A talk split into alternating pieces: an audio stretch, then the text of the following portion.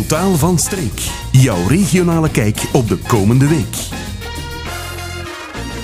We gaan praten met Edwin van der Meren. Dat is de voorzitter van toneelvereniging De Moedige Strijders uit Essenbeek. Dag Edwin. Uh, goeiedag uh, Geert. Kan je je toneelvereniging even voorstellen? Moedige Strijders, dat associeer ik niet meteen met toneel. Goh, ja, uh, de moedige strijders, ja, dat is zo'n een benaming die je nogal dikwijls terugvindt in uh, toneelkringen. Uh, zeker de oudere kringen hebben nogal heldhaftige namen. En uh, zo is dat ook bij de moedige strijders. Wij zijn dan ook al een van respectabele leeftijd. Ik denk zelfs dat we mogen zeggen dat wij misschien zelfs een van de oudste verenigingen zijn, toneelverenigingen zijn hier in de regio. Wij, de Moedige Strijders bestaat meer dan 130 jaar. Uh, en ja, wij zijn actief in, uh, in Essenbeek uh, al zo lang. Dus uh, ja, wij proberen ieder jaar in februari, maart, hangt het er een beetje vanaf zo, hoe de kalender valt, één productie te brengen. En ehm, dat wisselt af van uh, comedie naar ook al eens iets ernstig, wat we bijvoorbeeld vorig jaar wel gedaan hebben. Dus uh, het is een vereniging die uh, al eens durft ook ja, de kantjes op te zoeken van het amateurtheater. Mm -hmm. Jullie bestaan sinds 1891, heb ik ja, gevonden op jullie website. helaas is er niet zoveel archiefmateriaal bewaard gebleven. Dat is op zich wel jammer, of zou je daar ja, niet zoveel aan hebben? jammer, ja is één, ja, het is uh, één heel lang geleden. En het is ook een beetje van hand tot hand gegaan, waarin heel veel informatie verloren is gegaan. Want uh, ik ben zelf nog niet zo heel lang uh, voorzitter van de vereniging en wij zijn effectief op zoek gegaan naar uh, ja, archiefmateriaal. Dus moesten er eventueel luisteraars zijn die eventueel nog connecties gehad hebben met de moedige strijders, mogen zij ons zeker en vast contacteren. Ehm, maar het is heel moeilijk om daar iets van terug te vinden. Ja. Maar we zijn stilletjes aan toch een en ander opnieuw aan het samenstellen. Ja. Wat ik wel terugvond, was de intrede van de vrouw in het toneel. Ja. Sinds uh, 1927 mogen zij meedoen. Dat klopt. En eigenlijk is dat vrij progressief hoor, 1927. Uh, ik ben ook, uh, moet ik zeggen, voorzitter in uh, de vereniging Lembeek, waar ik ook wel de geschiedenis van ken. Uh, daar was mijn vader eigenlijk ook aan de, bij de oprichters. En daar eigenlijk is de intrede van de vrouwen pas gebeurd in late 1960. Dus eigenlijk 1927 is eigenlijk heel progressief voor een vereniging waar de vrouwen op dat moment eigenlijk een intrede deden. Ja. -hmm. En jullie zijn ook progressief op het vlak van jonge voorzitters. Ik lees in 1959 een 17-jarige, ja. Freddy de Bast. Inderdaad, en Freddy is nog steeds onder ons.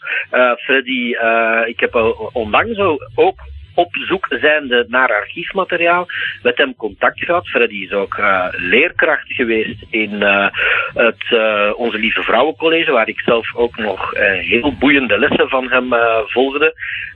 effectief, Freddy is als 17-jarige voorzitter geworden van de vereniging. Ja, effectief. Ja. Mm -hmm. Jijzelf bent voorzitter, maar je bent vooral ook regisseur. Hè? Dat doe je heel vaak. En ik las ook ergens in 2010 een uitmuntende score behaald met Ziekenhuis op Stelten. Ja, dat klopt. Wat, mijn, ja. wat betekent dat eigenlijk, een uitmuntende score? Krijg je dan Wel, een prijs? Dat dat was eigenlijk een, uh, een toneeltoernooi dat uh, jaarlijks werd uh, ingericht door de provincie Vlaams-Brabant, waar je dan het bezoek kreeg van een jury en eigenlijk in categorieën werd ingedeeld op het einde. Naarmate de categorie kreeg je dan ook een subsidie, maar dat was toch wel een vrij strenge jury, waar je kon van vierde afdeling variëren naar eerste afdeling en het zoomen was eigenlijk uitmuntendheid. En de eerste maal dat ik dat als regisseur heb, was eigenlijk bij de moedige strijders met uh, de komedie Ziekenhuis op. Wat eigenlijk ook al niet uh, meteen makkelijk was om zeker met een komedie, zelfs klucht, uh, zo'n hoge score te halen. En dat hebben wij toen toch voor elkaar gekregen. Daar zijn we uitzonderlijk trots op. -hmm. Jullie gaan opnieuw toneel spelen. Privé voor twee heet het stuk. Waar, waar gaat het over? Het is uh, opnieuw een komedie. Vorig jaar, zoals ik al zei, hebben we het iets ernstigere genre opgezocht. En uh, wij zorgen altijd voor een goede afwisseling. Privé voor twee is een komedie klucht eigenlijk. Uh, van Chapman en mensen die een beetje in het amateurtheater uh, zitten, die kennen zeker en vast de kluchten, de zeer sterke kluchten van Ray Cooney. Wel, Cooney en Chapman, dat zijn zo'n beetje ja, de Stockade en Watermans uh, van de muziek van vroeger in de jaren tachtig. Dat zijn echt de mensen die de hits maakten in uh, de comedie Kluchten. En Chapman was daar één van. En Privé voor twee is één van die stukken. Um, Privé voor twee is, gaat over een uh, vrouw, Julie, die eigenlijk er ja, twee minnaars op nahoudt om haar te onderhouden, laat ons zo maar zeggen. En die mannen weten niet van elkaar bestaan tot er een glijpartij over, jawel, een platijs uh, plaatsvindt. En heel het, uh, de planning van de dame in spe eigenlijk uh, in de war stuurt. En van dan af ja, kent men de, het, ja, moet ik zeggen, het scenario zo'n beetje dat ja, verwarringen ehm, onvoorziene omstandigheden, ja, dat, de klucht wordt dan helemaal uh, tot het eind gespeeld. Ja. Zeg, wat komt daar nu allemaal bij kijken bij zo'n toneelvoorstelling? Hè? Je hebt acteurs nodig, maar wat nog? Wat nog? Eerst en vooral een bestuur en medewerkers. En dat lijkt heel voor de hand liggend, maar uh, dat heb je eerst nodig. Mensen die uh, de kar trekken, die, die, uh, die op zoek gaan naar regisseurs, spelers, die mensen zoeken om de foyer te doen. daar heb je brood nodig. En dat weten alle mensen die in het sociale leven zitten. Dat is niet alleen in het theater, dat is niet zomaar. Dat is één. Maar dan heb je twee regisseur nodig, die ofwel in eigen kring zoekt, ofwel daarbuiten. En dat doen wij ook soms zoals nu, met uh, Sven de Rom als regisseur. Dan heb je mensen nodig die het decor gaan bouwen of de scène gaan bouwen, die techniek doen, geluidbelichting. Je hebt uiteraard iemand die de tekstopgave verzorgt. Een heel ondankbare taak, maar die tijdens het repetitieproces zo belangrijk is om uh, de tekstopgave te verzorgen. De souffleur, zoals we dat vroeger noemden.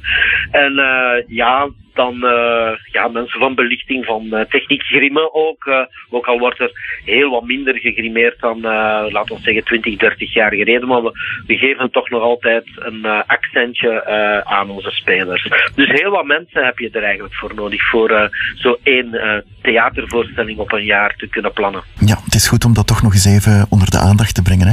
Ja. De voorstelling zelf, voorstellingen, hè, want je speelt een keer of vijf, dacht ik. Ja, um, keer, ja. Zeg het maar, waar en wanneer? De traditionele voorstellingen gaan plaats in de Sint-Jozefzaal. Uh, we doen onze première nu vrijdag op uh, 23 februari. Uh, en dan maken we het weekend vol met zaterdag 24 februari en dan zondag 25 februari. Opgelet die zondag is een matineevoorstelling, die start om 3 uur, terwijl de andere twee om 8 uur starten. En dan hebben we de week nadien, vrijdag 1 maart en zaterdag 2 maart, ook telkens om 20 uur in de Sint-Jozefzaal. Dankjewel Edwin voor de uitgebreide babbel en heel veel succes met Privé voor 2. Dank u wel en het genoegen was helemaal aan mijn zijde.